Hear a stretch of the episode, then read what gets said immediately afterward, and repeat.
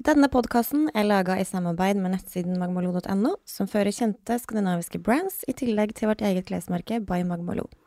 Vi ønsker også alle velkommen til å komme innom oss i butikken vår i Skåveien 8 på Frogner i Oslo.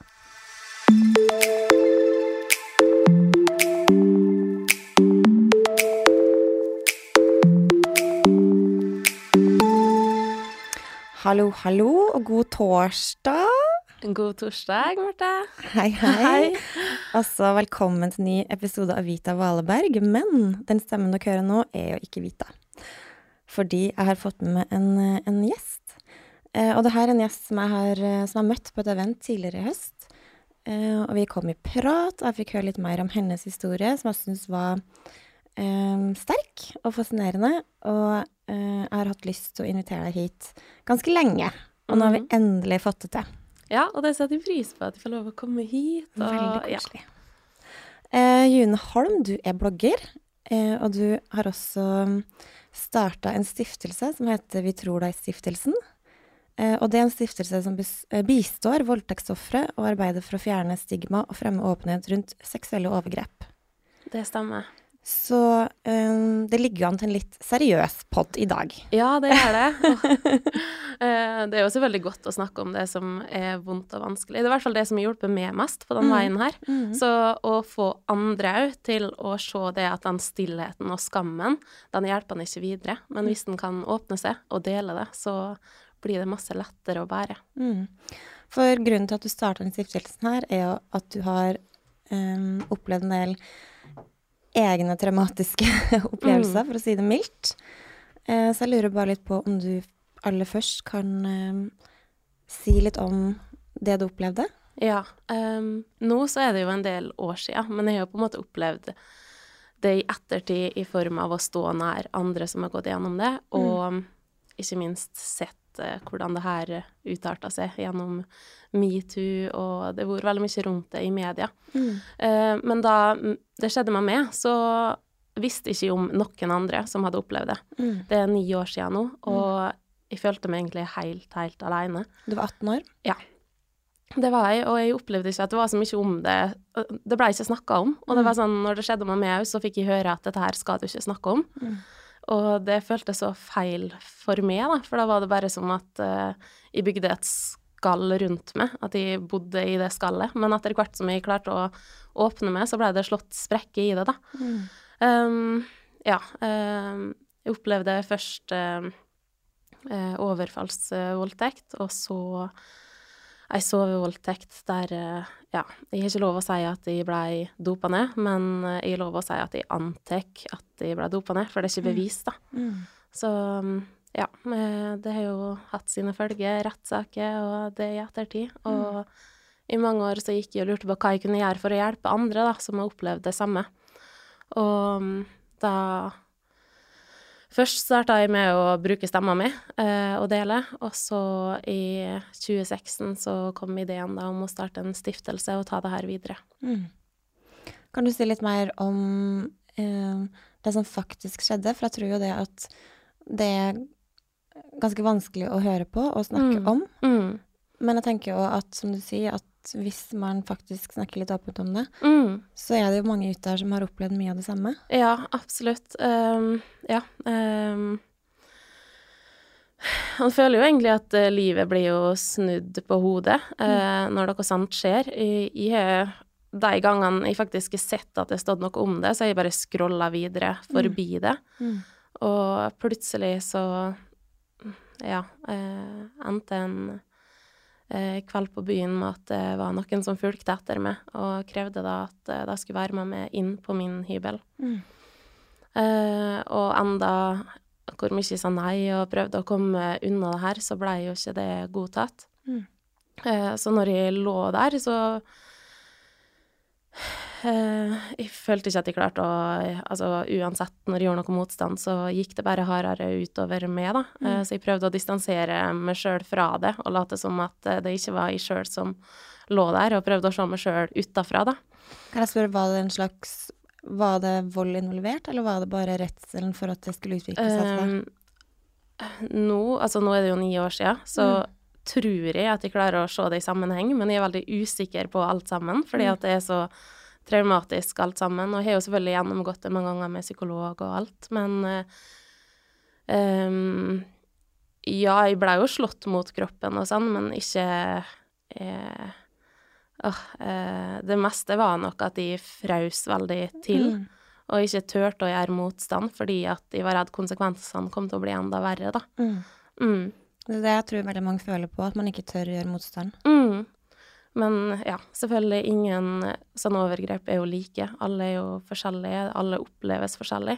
Mm. Og det er heller ingen fasit på hvordan han skal reagere når det skjer, fordi at uh, han blir utsatt for en unormal situasjon.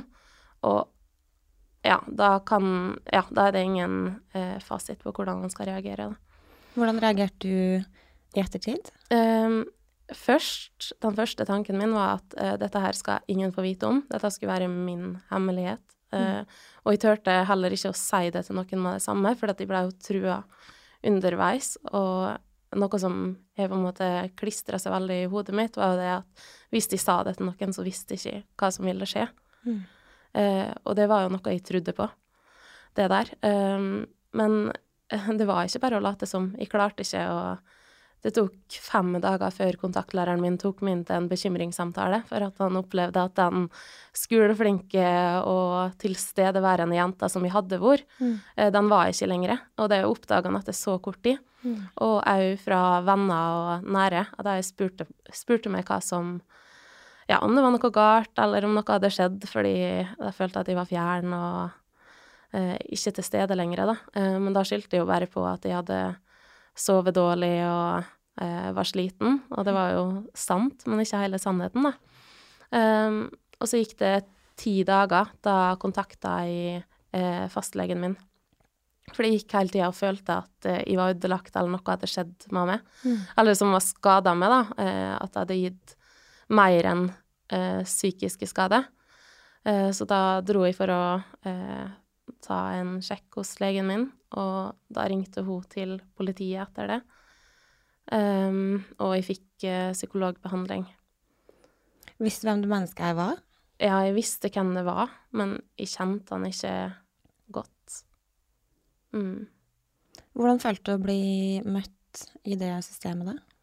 Oi um, det skjedde jo to måneder seinere, Uh, så dro jeg ut med Da hadde jeg klart å fortelle det til noen nære venninner, mm. og at jeg var veldig sånn redd for å dra ut den kvelden, fordi ja, jeg så jo fare rundt meg hele tida og tenkte at Ja, jeg visste jo at det faktisk kunne skje noe, da, siden jeg hadde opplevd det.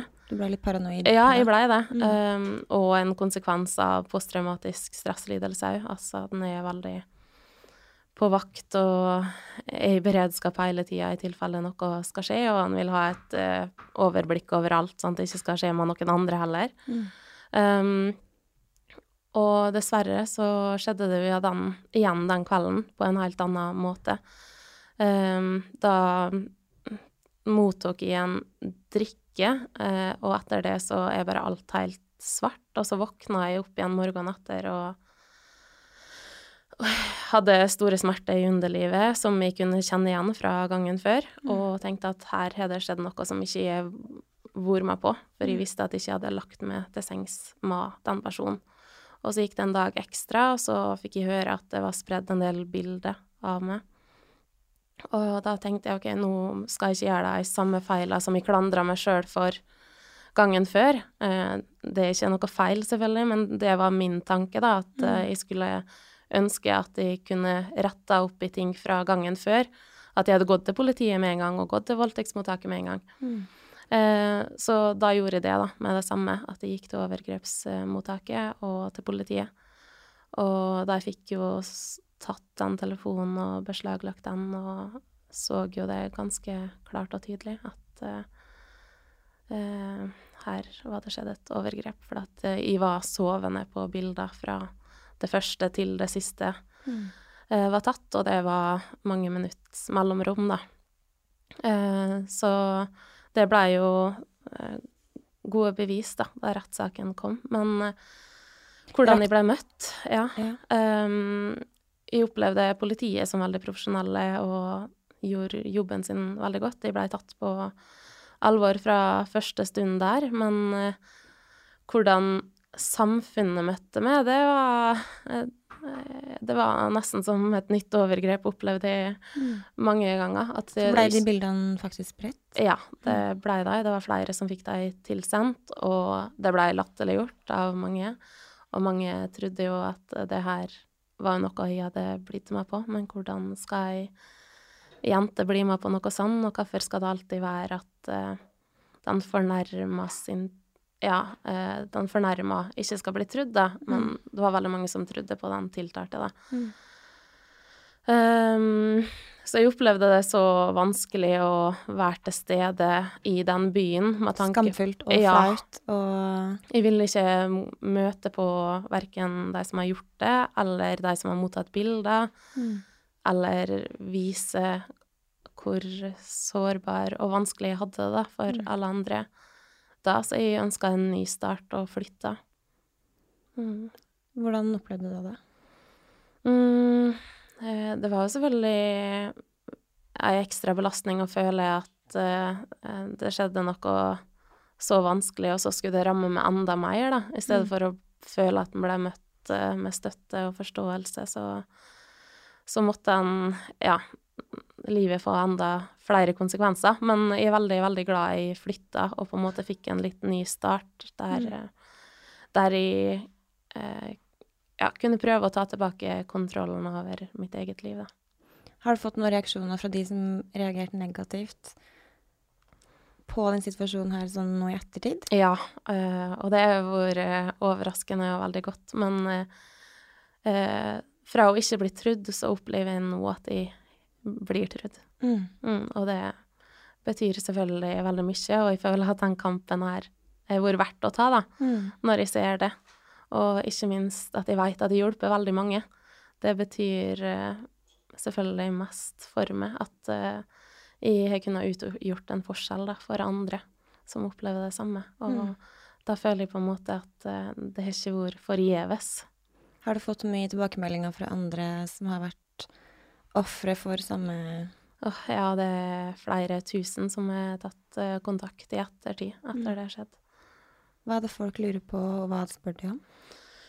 Oh, eh, det er liksom alt fra pårørende som lurer på hvordan de skal være ovenfor de som har opplevd det, hvordan de mm. kan gi eh, hjelp best mulig, og så er det de som lurer på hvordan de skal gå fram. og han opplever jo en del etterreaksjoner mm. som man kanskje kan føle ikke er normale.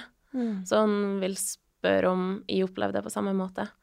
Uh, og ofte så er det jo en del felles trekk, og han skal ikke gå og føle at han har blitt unormal, for det er jo det er normalt å reagere på den måten. Og det er ikke noe feil eller noe fasit på hvordan man skal reagere mm. etter noe så voldsomt traumatisk opplevelse? Overhodet ikke. Mm. Så ja, ingen spørsmål er dumme, da, tenker jeg. Mm. Eh, spør heller en gang for mye enn for lite. Mm. Eh, ja. Og så finnes det noen der ute som, som veit hvordan det er, og som ønsker å lytte og snakke med det og hjelpe. Jeg har jo flere venninner som har opplevd både sovevoldtekt og også overfallsvoldtekt, som også sier det samme som du, at de syns det har vært veldig vanskelig å forholde seg til, til det ettertid. da. Mm. Fordi det her Flere av de har jo opplevd det her for mange, mange år siden, der man ikke kunne snakke så åpent om ting. Uh, og fremdeles sliter med litt sånn ettervirkninger og Hvilke råd er det du gir når folk spør om, om det? Um, altså, han, først så må jo han ta tida til hjelp, og uh, det vil bli bedre med tida. Mm. Um, og men det viktigste rådet er å kunne dele det med noen, og ikke holde det for seg sjøl. Mm. Og han skal ikke føle det Aldri føle at det er en egens skyld, for det er det aldri. Mm. Um, det er kun den som uh, begår det her, som har ansvaret for ei så grusom handling. Mm. Så å prøve å ikke klandre seg sjøl for det, for det er veldig lett å Jeg gikk veldig mange runder med meg sjøl og spurte hva hadde jeg gjort tidligere i livet for å fortjene det her. Mm. Eh, Hvilke feilgrep har jeg tatt eh, på livets vei? Um, og ja, ønska at de kunne gå tilbake i tid og retta opp i ting. Mm. Men han må bare akseptere det, egentlig, at det skjedde. Um, Sjøl om det selvfølgelig kan være veldig vanskelig, så Mm. har i hvert fall det hjulpet meg veldig. Og bare Ja, jeg aksepterer at det skjedde, og uh, min motgang nå, da, er på en måte blitt ei styrke. Mm. Um, jeg føler at jeg er blitt et bedre menneske, egentlig, av å oppleve det, fordi at jeg kan forstå alle mennesker som har ei bagasje, på en annen måte. Mm. På en måte som ikke jeg hadde forstått tidligere sjøl, fordi at eh, min ryggsekk da var relativt lett å bære, da. Mm. Um, så, ja, altså en må ikke være redd for å be om hjelp, da. Det er et eh, godt tips. Og mange opplever jo det å gå til psykolog som kanskje skummelt, Mm. men for meg så er det bare en lettelse, befrielse nesten, Mm. å komme dit. Og når jeg kommer inn i det rommet, så ser jeg liksom på rommet at det er et stort avløpsrør, og der går alt det vonde ut. Sånn at det blir liksom, går ut fra kroppen min og ja, bort fra det rommet og forsvinner da litt etter litt. Men Mm. selvfølgelig, han må gå mange runder med seg sjøl, og noen ganger vil han føle at han tar noen steg tilbake før han går noen steg fram. Og ja, det blir helt feil å sitte for meg og si at eh, det er en enkel prosess, for det er det ikke. Og så er det mange som kanskje ikke har noen konsekvenser sånn rett etterpå, så vil det komme mange år seinere. Alle reagerer forskjellig. Mm. Mm. Men jeg syns det er litt interessant i forhold til grensesetting. Eh, når veit man om det er et overgrep, eller eh, Altså, jeg hadde en opplevelse når jeg var rundt 16-17 og var på ferie i, i Hellas. Eh, og møtte da selvfølgelig en veldig kjekk eh, gresk eh, herremann, som viste seg ikke å være en gentleman. Eh, men opplevde da at vedkommende eh, pressa meg til å gjøre ting jeg ikke nødvendigvis hadde lyst til sjøl. Mm. Uh, og jeg husker på at jeg bare blei litt sånn paralysert og bare skrudd på nesten litt sånn av-knapp i hodet mitt. Bare hvis jeg gjør noe motstand, eller hvis jeg gjør et eller annet nå Altså, det her er en person jeg ikke kjenner. Hva, Mm. hva skjer? Blir den voldelig? Eh, ble jeg drept, liksom? Mm. Jeg, har Ja. ikke, jeg har ikke lyst til å dø på en eh, øde i Hellas. Og det er jo veldig mange som tenker det, liksom. eh, For han er i en traumatisk situasjon der han mm. ikke blir tatt hensyn til. Altså eh, når det, altså sex, da, der er jo begge personer delaktige, Mm. men i en sånn situasjon så er det en Han skal ikke være i tvil når han eh, har sex med en person, om begge er til stede. Altså, det skal være innlysende, at Mm. begge skal være med på det. Eh, men gir noen signal, altså sier noen nei, ja, da stopper du med det samme, Mm. og, og tar hensyn til eh, den andre personen, da. Eh, altså å si nei, eller å vise at dette her er ikke eh, ønska, da. Så, så blir det jo et overgrep med en gang. Så ja, rett og slett sette Sjøl om den personen da du var i Hellas med, satte sine egne behov først, så blir jo det det samme som at da blir jo du trakka på. Og Mm. Men jeg gjorde en sånn omvendt greie, som jeg ikke helt har forstått hvorfor jeg gjorde. Fordi det her var jo absolutt noen ting jeg ikke hadde lyst til å være med på. mm, Men for å på en måte forsvare at jeg ikke har opplevd et overgrep, så snudde jeg på det og på en måte lata som at det her var en feriefling. mm, Altså, ta, jeg sa til med til bestevenninna mi at eh, jeg la det ut som om at det var noen ting jeg hadde lyst til å være med på, for jeg syntes det var så flaut å skulle være et offer som ikke har klart å si nei. Og det er jo veldig mange Eh, som gjør. Det blir en slags forsvarsmekanisme. da. Veldig forsvarsmekanisme. Ja. Mm. Og jeg har ikke hatt Jeg må innrømme at jeg har ikke hatt noe sånn der post altså, Det var akkurat som jeg på en måte bare har blokka det helt Mm. ut. Men jeg ser jo i ettertid helt klart at det var jo ikke en, en eh, OK opplevelse. Ja, sant. Uh, og ja, det er mange som opplever det på den måten der òg, og jeg skjønner det veldig godt. Det var mer skamfullt å si at man har vært offer for noe sånt, følte jeg, enn å på en måte bare akseptere at det skjedde, Ja, sant. og bare fake at uh, det her var en hyggelig feriefling. Mm. Mens innerst inne så ble jeg bare kvalm og helt sånn satt ut av hvor ille jeg syns egentlig det var, da. Mm, du visste jo egentlig at den tråkka over dine grenser. Ja, virkelig. Ja, sant. Og det tror jeg vedkommende veit sjøl òg. Mm. Mm.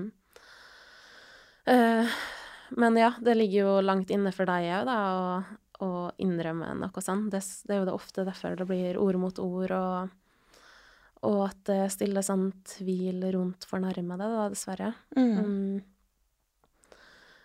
Ja, men det er veldig vanlig. Altså, noen kan, eh, kan eh, i det øyeblikket rett etter det skjer, fornekte, gå i sånn fornektelse. Mm. Og det er nok, som du sier, for at det skal bli lettere å ta med seg videre, da. At Mm. en vil ikke være et offer. Mm. Mm. Og at det er veldig skambelagt. Ja, ja. Det er dessverre det. Um, nå føler jeg jo heldigvis at jeg kvitta meg med den skammen, men det er jo tatt veldig mange år før jeg klarte å gjøre det. Eh, og den skammen, eh, den ble ikke bedre av hvordan samfunnet møter en, og alt det en får høre og lese om, da. Men hvordan tror du sånn i etterkanten av metoo, altså når vi er midt borti, midt oppi julebordsesongen, og jeg vil jo si at kanskje metoo er jo absolutt, som vi snakka om i sted, det er jo et tema som er aktuelt selvfølgelig hele året. Absolutt. Men akkurat det med grensesetting og denne sesongen vi er inne i nå, så mye alkohol, det er en del grenser som viskes ut. Eh, føler du at metoo-aksjonen har hatt noe for seg? Ja, det har den uten tvil. Det har jo blitt masse mer, mer åpenhet rundt det, og eh, det er blitt mye mer fokus på grensesetting, og at en skal ta uh, mer hensyn. Altså, en har sett hvilke konsekvenser det kan medføre, da, å trå over noen sine grenser, og så altså, det er jo veldig synd at uh, så mange kvinner skal gå og være redd for å være kvinne. Mm. Uh, det er jo ikke sånn det skal være. Um, så altså Hvilke forhåndsregler skal en ta i julebordsesongen og ellers? Egentlig så er det jo menn som burde ta forhåndsregler. Mm.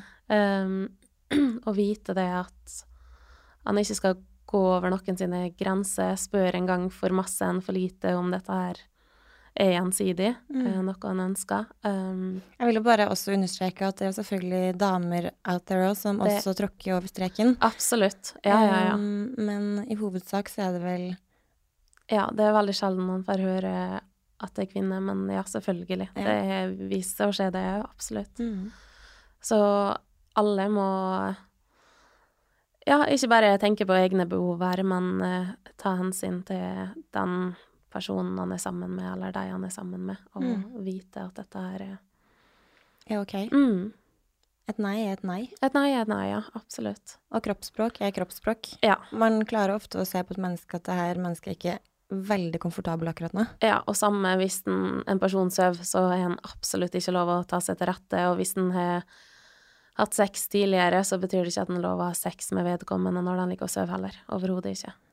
Et sovende menneske klarer aldri å si ja til sex. Nei. Så uansett om du kjenner ikke det mennesket eller ikke, så er det sånn Det er no go. Mm, Sånn virkelig. Ja, ja, ja. ja. Åh, nei, jeg blir så Jeg kan ikke forstå Altså, jeg har så problem med å forstå at noen bare tenker at det sovende mennesket her har jeg lyst til å forgripe meg på. Kjenner Altså, hva, som, hva foregår oppi hodet til en person som tenker at det er greit? det bruser inni meg når jeg Åh, jeg blir så sint og provosert og forbanna, rett og slett, at Ja. det går an. Og Åh, ja. eh, Det er overhodet ikke akseptabelt på noe som helst måte. Og at noen kan få seg til å tro at eh, det skal være greit, det er jo Mm. bare helt bak mål.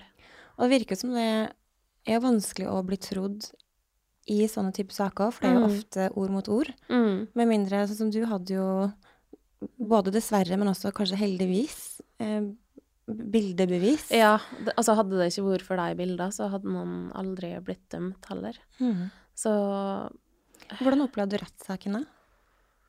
Uff, eh, ja, nesten som et eh, nytt overgrep. Nå har jeg jo sittet i en del rettssaker og støtta andre som eh, har gått gjennom det samme, gjennom Mm. stiftelsen. Men sjølve selve rettssaken har heldigvis med åra blitt bedre. Men da det skjedde, så var de jo inn på rundt selvfølgelig masse spørsmål om hvilket klær du har på deg, hvordan Mm. jeg oppførte meg, om jeg hadde flørta, hva jeg hadde drukket. Det blir Eh, satt spørsmålstegn med oppførselen din. ja, eh, og da begynner han jo å gå inn i seg sjøl mer enn han allerede har gjort tidligere. Mm. Eh, Var det min skyld? var det min skyld, ja. Mm. Men eh, ja, da så klandra jeg jo meg sjøl veldig, både altså hvordan kunne jeg Jeg anså jo det her som hyggelige personer, men hvordan kunne jeg tro godt om dem? Altså at jeg har vært naiv og um, Jeg har veldig sånn positiv utstråling sånn naturlig, da, Mm. men at det, Det betyr bli ikke at du får lov til å ligge med meg for Nei, nei, sant. Og at uh, da har jeg opptrådt flørtende. Og uansett om man flørter. Det er ikke det samme som å Samme som å si at en vil gå til sengs med vedkommende, liksom. Mm. Mm. Og i hvert fall ikke i sovende tilstand. Nei, overhodet ikke.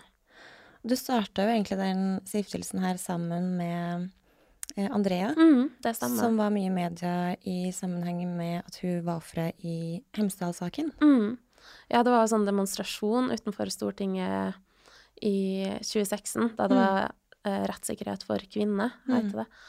Og da jeg leste historien hennes, så fikk jeg selvfølgelig veldig vondt og tenkte at oh, jeg ønsker ikke at hun skal føle seg alene på den måten jeg har følt meg alene tidligere. Og sånn føler jeg jo sånn instinktivt når noen andre opplever det, at jeg har lyst til å fortelle at du er ikke alene. Mm. Eh, så da sendte jeg jo først en melding der jeg viste mye støtte til henne, og så holdt jeg en appell foran Stortinget. Og i etterkant av det så kom jo Andrea bort og takka meg eh, for at jeg gjorde det, for at han traff henne. Eh, og da holdt vi dialogen videre etter det, og spurte hva vi kunne gjøre for andre i samme situasjon. Mm.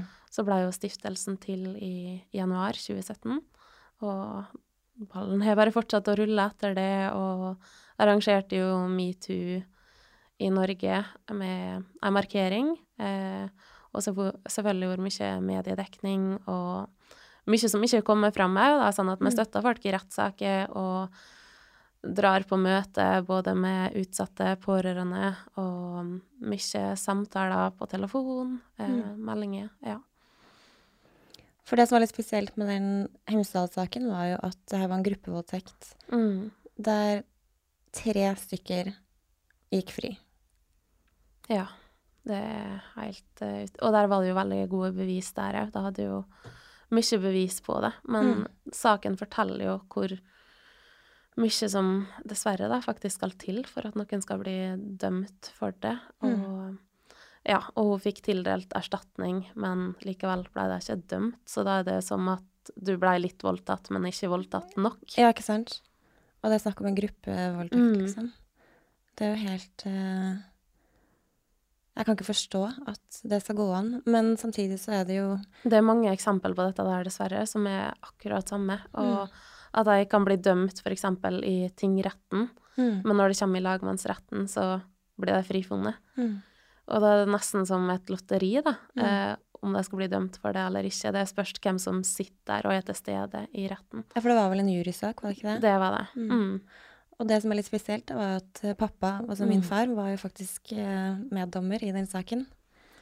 Hvordan Ehm, og jeg husker på Han får jo aldri lov til å si noen ting, ehm, selvfølgelig, til Nei. familie og Men jeg bare så hvordan den saken påvirka han så grusomt, fordi han har, te, altså, han har jo tre døtre sjøl, mm. og to små jentebarnebarn. Ehm, og den saken tror jeg var ekstremt opprivende for alle som var der og hørte og så på. Mm. Um, Den har jo uten tvil påvirka veldig mange, og det skapte jo en forskjell før Hemsedal-saken og etterpå. mm, Det er jo blitt mye mer åpenhet og belyst i ettertid av det, da. ja. Fordi at det var jo så mange som reagerte på den dommen at den overhodet ikke var riktig, da. Den dommen er jo offentlig, Mm. eh, så jeg kan jo si at han på en måte stemte jo ikke for frifinnelse. Mm. Eh, Men da var det jo andre som, som stemte for frifinnelse. Mm. Um, Og det tror jeg håper jeg kan si, for det er jo en offentlig dom Ja, der ja, ja. alle navn er nevnt. Mm. Så, så jeg tror ikke jeg sier noe feil om jeg, om jeg sier det. Mm.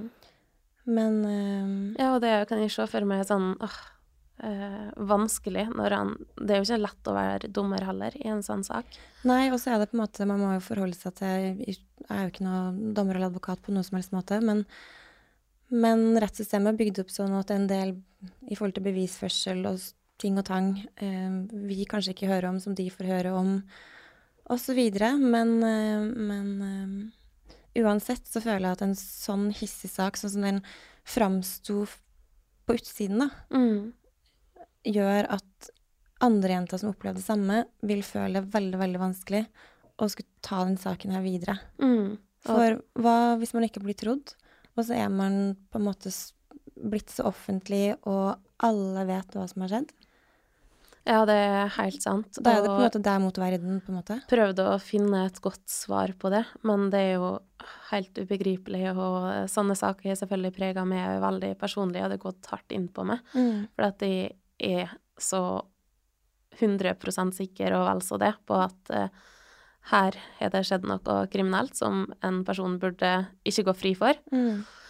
Men uh, den viktigste trøst jeg tror jeg har funnet, er jo det at da er han i hvert fall ikke en del av et mørketall, hvis han er tørt å gå gjennom den prosessen. Mm. Og det har jo vist seg flere ganger at uh, en sak som kanskje er blitt henlagt, eller enten med frifinnelse i retten, at det blir tatt opp igjen fordi at andre har anmeldt saken. Mm. Og da har har saken likevel et større grunnlag for å ja, bli tatt videre og kanskje ende med tomfellelse, da. Men jeg tror derfor at det er så viktig, og så riktig, fordi man kan tenke meg at det er veldig vanskelig for personer som deg og Andrea å være så offentlig og stå fram eh, med Mm. eh, Stå fram om det her. Eh, så er det jo, ja Jeg ser Ja. du trekker pusten litt. Ja. Um, for det må jo være en voldsom belastning personlig, Mm. også for familie Mm. og pårørende. Mm. Um, men når man da tør å være liksom åpen om tabuer som voldtekt og overgrep, så tror jeg jo man, Og det viser seg jo, man bidrar jo til at jenter blir mer opplyst. Um, og kanskje også gi oss mer styrke da, til å på en måte forstå grensa av vår egen verdi og tørre å fighte litt mer mot urettferdighet når sånne ting skjer. Mm. Ja, han stiller jo seg sjøl i en veldig sånn sårbar situasjon når han deler det vanskeligste og mest brutale og tøffeste han noen gang har gjennomgått så offentlig da, som vi har gjort. Men det er jo et valg vi har tatt for å kunne hjelpe andre. Mm. Um, og vi mener overhodet ikke at det er riktig for alle å være så offentlig. Uh, Mm. Det tror ikke det er heller. Men bare det å dele det med noen, da, det Mm. gjør den lasta så mye lettere å bære, og ikke måtte gå og holde det helt for seg sjøl. Ja, ja. Jeg det- applauderer det. Ja. ja, så det er hovedbudskapet vårt, i hvert fall. eh, Mm. At en skal kunne dele det med noen. Kan du si litt om hvordan stiftelsen fungerer? Mm, ja. Um, altså, nå er jo vi Ikke sant, vi har et eh, lokale nå, men eh, det ønsker vi på sikt. Eh, men i hovedsak så er det folk som ta, kan ta kontakt med oss, og vi Mm. følger opp dem. Eh, ønsker noen støtte i rettssaker, så gjør vi det. Og ellers så eh, opplyser på nett og belyser sånne saker, sånn at de får mer oppmerksomhet, da. At det er viktig. Ehm, at de ikke skal Det skal ikke bli glemt da, at det skjer, for det skjer jo faktisk hele tida. Mm. Mm. Hvordan opplevde folk som tar kontakt? Hvor, hvor, hvor er de i eh, livet, i sinnet? Hvordan har du det på innsiden? Oh, eh, der er det veldig forskjellig, for det er noen som Ja, er blitt kontakta rett etter at et overgrep har skjedd på natta. Eh, og så er det òg pensjonister som har tatt kontakt, som opplevde det i barndommen. Mm. Som har fått mange år på seg, men likevel så har de et behov for å snakke om det. Og da syns jeg det er selvfølgelig veldig fint at de tar kontakt med oss og vil dele. Um, men det er veldig forskjellig. Altså, jeg syns det er veldig fint de med fulgt fra starten av og nå sånn over et år, og se at åh, det har hjulpet at vi har vært til stede og lytta og ja, bare snakka med deg og vite det at åh, det finnes det andre som har klart å komme seg fra det her, så da skal Ja, det gir deg eh, håp, da, og tro på Mm. at da skal de òg klare det. Um, men det er ingen fasit på hvordan eh, folk reagerer eller er, eller hvordan de tar kontakt. Vi har fått så mange henvendelser at det går ikke an å, å si noe som er typisk en gjenganger. Mm. Hvordan klarer du sjøl å ha overskudd til å tenke så mye på andre når du Ja, det har på en måte som sånn posttraumatisk eh, Mm. Ja, det, lidelse rundt det sjøl, på en måte? ja, ja, jeg har jo det, og jeg går jo fortsatt Eller jeg går i behandling nå. Mm. Uh, Men det gir meg en sånn ekstra driv til å komme uh, Ja, det, det, er bare godt da å vite at en kan hjelpe andre og være til stede for deg, og, og se at jeg kan få det bedre. Da blir det på en måte litt sånn, som jeg sa i stad, at det er litt verdt å bruke min bagasje eh, til noe positivt for andre, altså at det kan styrke andre, og det styrker meg sjøl. Mm. Mm. Men eh, ja, det har bare ligget inni meg fra jeg var lita, at jeg har hatt lyst til å hjelpe andre og kunne bruke stemma mi til noe positivt. Jeg er jo utdanna tekstforfatter, mm. og grunnen til at jeg valgte det, er jo fordi at skriving har vært så stor terapi for meg. Mm. Så jeg tenkte jo det at hvis jeg skal klare å fullføre ei utdanning, så må jeg ha noe som kan være terapi for meg, og sånn opplever jeg òg at stiftelsen er vår, at det er terapi og jobbe med noe som kan hjelpe både andre og meg sjøl. Mm. Hvor tror du veien går videre nå, da, med, med stiftelsen? Jo, det skal bare fortsette, og jeg har store planer og håper at det i 2019 bare blir enda eh, mer opplysning da, mm. rundt det. Eh, eh, skape positive ting eh, for andre som har vært utsatt, og òg se hvilke grep han skal gjøre for at Altså, jeg føler jo at det er blitt masse bedre, altså bare etter metoo og alt som har vært nå, etter stiftelsen. Altså, det har jo uten tvil skjedd mye bra for den saken her, men det mm. skjer jo fortsatt ting som trengs å bli belyst og tatt tak i. Så ja, fortsette å holde foredrag og ja, Det må du fortelle litt om, for du eh, driver også og farter litt rundt med et foredrag. Mm.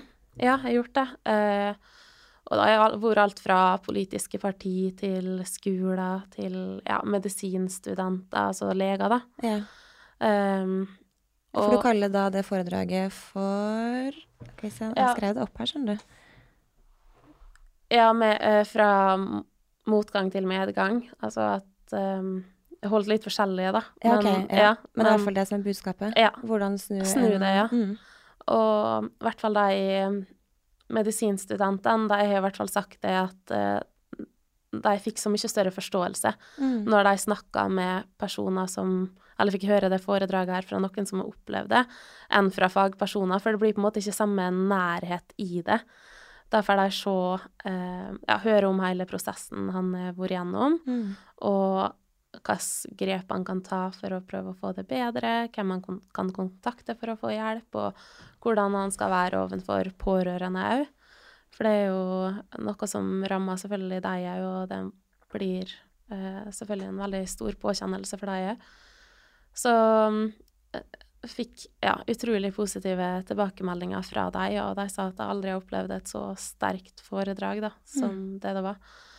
Så det betyr jo selvfølgelig mye, at en kanskje kan påvirke eh, Da var det medisinstudenter, men altså når de kommer ut eh, i arbeidslivet da, og skal ha pasienter, så er jeg jo overbevist om at jeg kommer til å møte en person som kommer inn der og forteller at han er blitt utsatt for overgrep, med større forståelse. Mm. Ja. Mm. mm. Jeg tenker det, det, er ganske, det er ganske viktig viktig jobb du gjør, altså. Syns du det er tøft å stå i?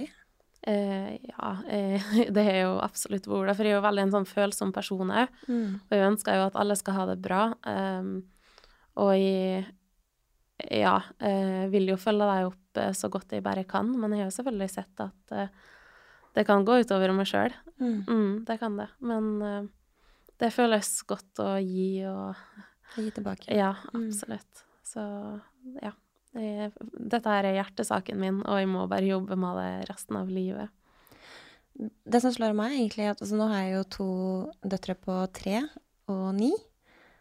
Uh, og jeg kan aldri komme på at vi noen gang på skolen hadde liksom noe uh, undervisning eller uh, samtale rundt både grensesetting, men også det Hva skjer når man opplever sånne situasjoner, da. Ja, det husker ikke jeg heller. Og det syns jeg er så rart. Ja, det er veldig, veldig merkelig.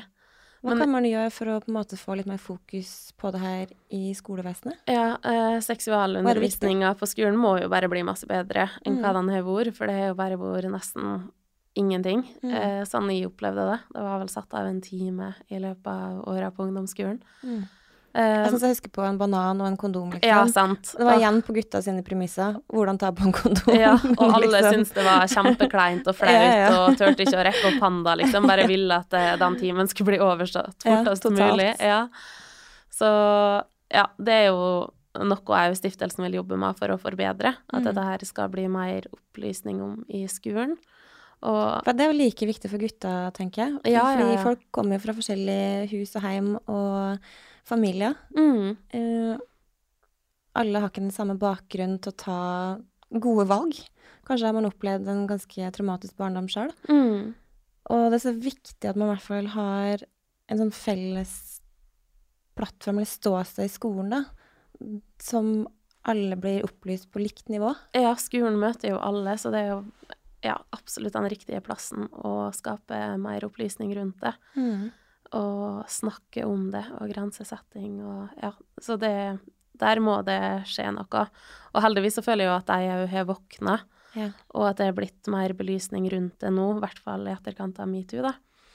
Eh, og arbeidsplasser òg, faktisk. At mange har hengt opp plakater og hatt samtaler rundt det, Mm. og spurt For alle har jo forskjellige grenser òg, sant? Mm. Eh, så dette her er jo Det er jo veldig individuelt hvordan en vil oppleve eh, eksempel det å bare bli tatt på eh, Altså Ja, for det har blitt nesten litt sånn Det var jo en periode jeg husker at veldig mange menn var litt sånn derre eh, Ja, men eh, skal jeg ikke kunne si hei til deg på jobben heller, da? Ja. Eller sånn Kan jeg ikke gi deg kompliment for at du har en ny kjole, eller Og det handler jo virkelig ikke om det i det hele tatt. Hvis man i det hele tatt spør det spørsmålet, så er, da er du litt off, ass. Ja. Hvis du ikke skjønner at det handler om eh, ja, ja, ja, noe helt annet enn å gi en kompliment for en kjole. Ja, absolutt. Altså, det handler om sunn fornuft, altså. Mm. Selvfølgelig skal du Common sense og Et folkeskikk. hei har ingenting med den saken Nei, det er akkurat det. Ja. Så ja. Så jeg tror menn må ta seg et lite lynkurs der, altså. ja. Åh, nei, altså, å få kompliment, det Det er bare veldig hyggelig. Ja. Det er fremdeles hyggelig å få kompliment. Ja. Tafsing, not so much. ja. Åh. Men ja, jeg føler at det blir masse bedre. Altså, jeg har ikke Tidligere så følte jeg liksom hver gang jeg dro på byen, da var det alltid noen som skulle ta borti det, eller ja, gjøre ting som Ja, det er ikke hyggelig å bare Du veit ikke hvem som tar det på ræva en gang, og så bare skjer det, liksom. Mm.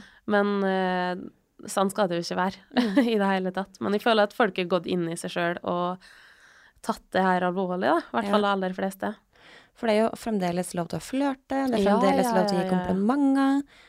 Men keep liksom Mm. syltesnabben din for deg sjøl, altså. Ja. Det er liksom sånn Hvis vi ikke spør om å få se, se den, eller Mm. bli tatt på, så vil vi helst, eller mest sannsynligvis, ikke bli tatt på. Ja. Eller se ting vi ikke har lyst til å se. Mm. Det er veldig enkelt, egentlig. Det er ganske Ja, jeg kan ikke skjønne deg som opplever dette som problematisk, Nei. for det, det er enkelt. Det er veldig enkelt. Mm. Hvordan er det når du går ut nå, da? Er du, ser du det fremdeles litt sånn bak skulderen når du går hjem, eller Ja, jeg har egentlig alltid vært sånn etter det skjedde med meg, at jeg klarer ikke helt å Ja, jeg er veldig på vakt, da. Og det Mm. kan jo bli slitsomt i lengda, selvfølgelig. Og noen dager kan jeg Ja, og fortsatt det med angst og sånne ting og eh, Så det må jeg jobbe med mer. Kanskje jeg alltid skal ha det i meg eh, etter det skjedde. For det er jo sånn Jeg har jo lyst til å på en måte glemme akkurat det med selve overgrepet og den første tida etterpå, sånn selvfølgelig. Men det er som at kroppen ikke klarer å glemme det, da. mm. Den er alltid i beredskap. Ja. Mm.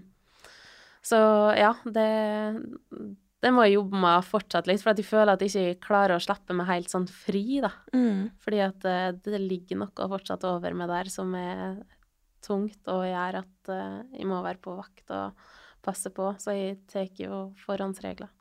I hvert fall når du opplevde ikke bare én gang, men to ganger. Mm. Så tenker jeg at det kanskje gjør noe med hvorfor meg, og hvorfor to ganger. Mm. Ja. Ja, det, Eh, det er veldig mm, Fordi om det er sykt tilfeldig, så er sånn hjernen er jo skrudd sammen litt sånn at man ofte Ja, ja, ja. De spørsmåla hvor mange ganger jeg har stilt meg sjøl, nei, det Ja, det er mange. Men eh, ja, det blir ikke noe bedre av å gå og spørre seg sjøl de spørsmåla og fundere over det. Det beste er å bare tenke at nå skal jeg snu det her til eh, Noe positivt. Ja. Mm. Så mm, må jeg bare Ja, hvis de skal slappe noen inn på meg, så skal de i hvert fall bevise at det er verdt å slappe deg inn. Mm. mm. Ja, hvordan gjør du det sånn i ettertid i forhold til å slippe noen inn, da? Mm, ja. En ny date eller kjæreste, eller mm. Har det forandra seg? Jeg har alltid vært veldig sånn at jeg syns det er hyggelig å møte nye mennesker, så det prøver jeg å holde på fortsatt. At mm. det skal være en positiv ting, og tenke at alle kan lære noe av alle. Mm. Uh, men igjen, når det skal liksom slippes enda nærmere inn, så så kan jeg lett være litt sånn anspent og sånn rundt det, uh, og føle at jeg skal være trygg på vedkommende, og mm. trenger nok kanskje litt lengre tid enn jeg gjorde i forkant, da, før det skjedde meg.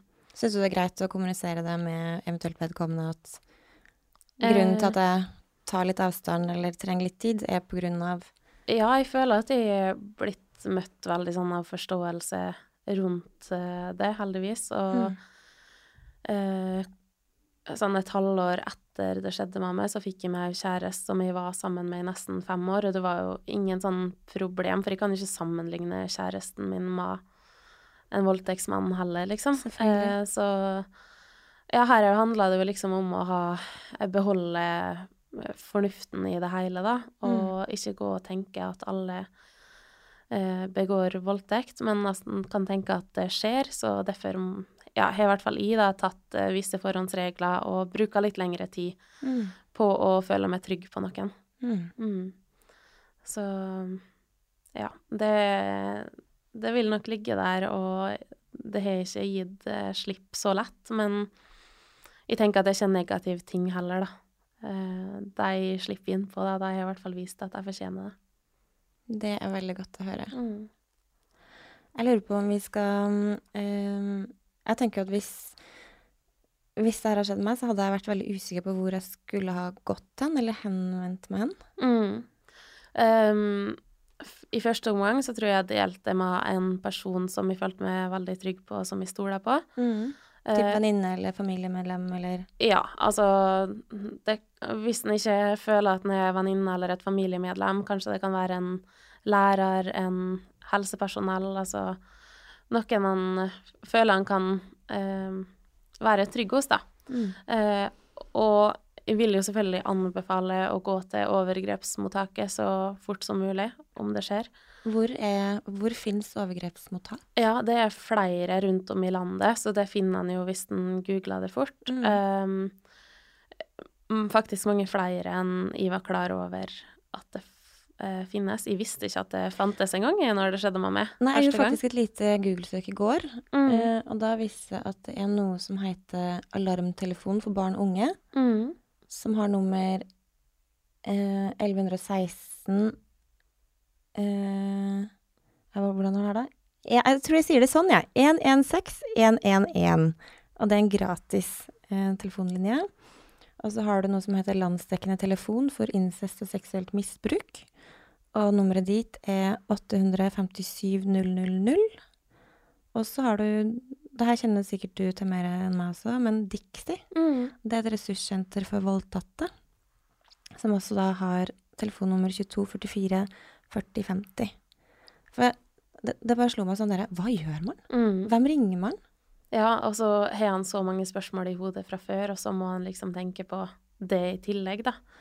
Men det man i hvert fall kan tenke på når man ringer en av de numrene eller tar kontakt med de, mm. så er du absolutt ikke den første som ringer. Overhodet ikke. Og de har hørt så mange historier.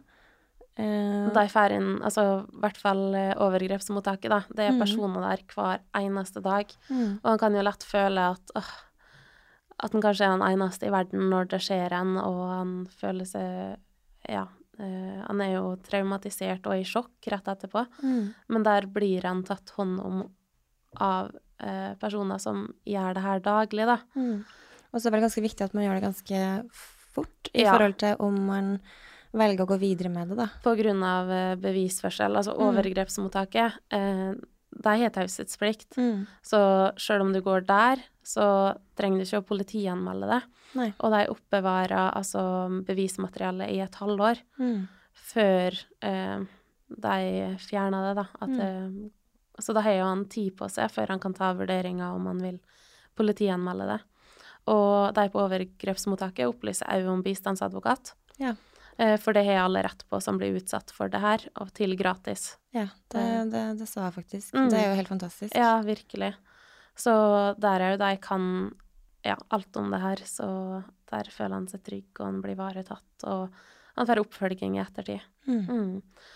Så sånn i mitt tilfelle så tenkte jeg jo det at første gangen at det her skulle ingen få vite, men så viste det jo seg at jeg klarte ikke å gå og bære på det alene. Så jo raskere, jo bedre, da. Han klarer å ja, kontakte hjelp. Mm. Mm. Jeg tenker at det er altfor heavy greie å skal ha være på alene. Ja, uten tvil. Det, Det, jeg tror ingen er skapt til å fikse det, på en måte. Nei. Eh, så en skal ikke være redd for å be om hjelp, da. Det, det er ingen skam i det hele tatt. Heller så er det en ja, Jeg ser på det som en styrke, da, å vise seg sårbar. Mm. Mm. Så ja. Og sjøl om det selvfølgelig ikke er noe en ønsker, så gjør det for uh, framtida og ja, i det sjøl i lengda. Altså, Mm. du vil takke deg sjøl for det i ettertid. Det syns jeg var veldig fine ord. Em, jeg har lyst til å takke deg for at du kom hit og fortalte historien din. Uh, og jeg tror at det er bare med åpenhet at vi kan uh, bekjempe den skammen og frykten som en voldtekt uh, eller overgrep fører med seg. Mm. Ja, helt enig. Eh, og jeg syns at du er et viktig talerør. Og jeg håper at hvis det er noen, eller det er helt sikkert noen der ute som sitter og lytter på det her, um, kanskje får de noe råd, lyspunkt, Um, det håper jeg. Og klamre seg fast i, i, ved at du forteller din historie her i dag. Og så må jeg ikke være redd for å ta kontakt, i hvert fall. Ikke vær redd for å ta kontakt, og vit at du er ikke alene. Ja.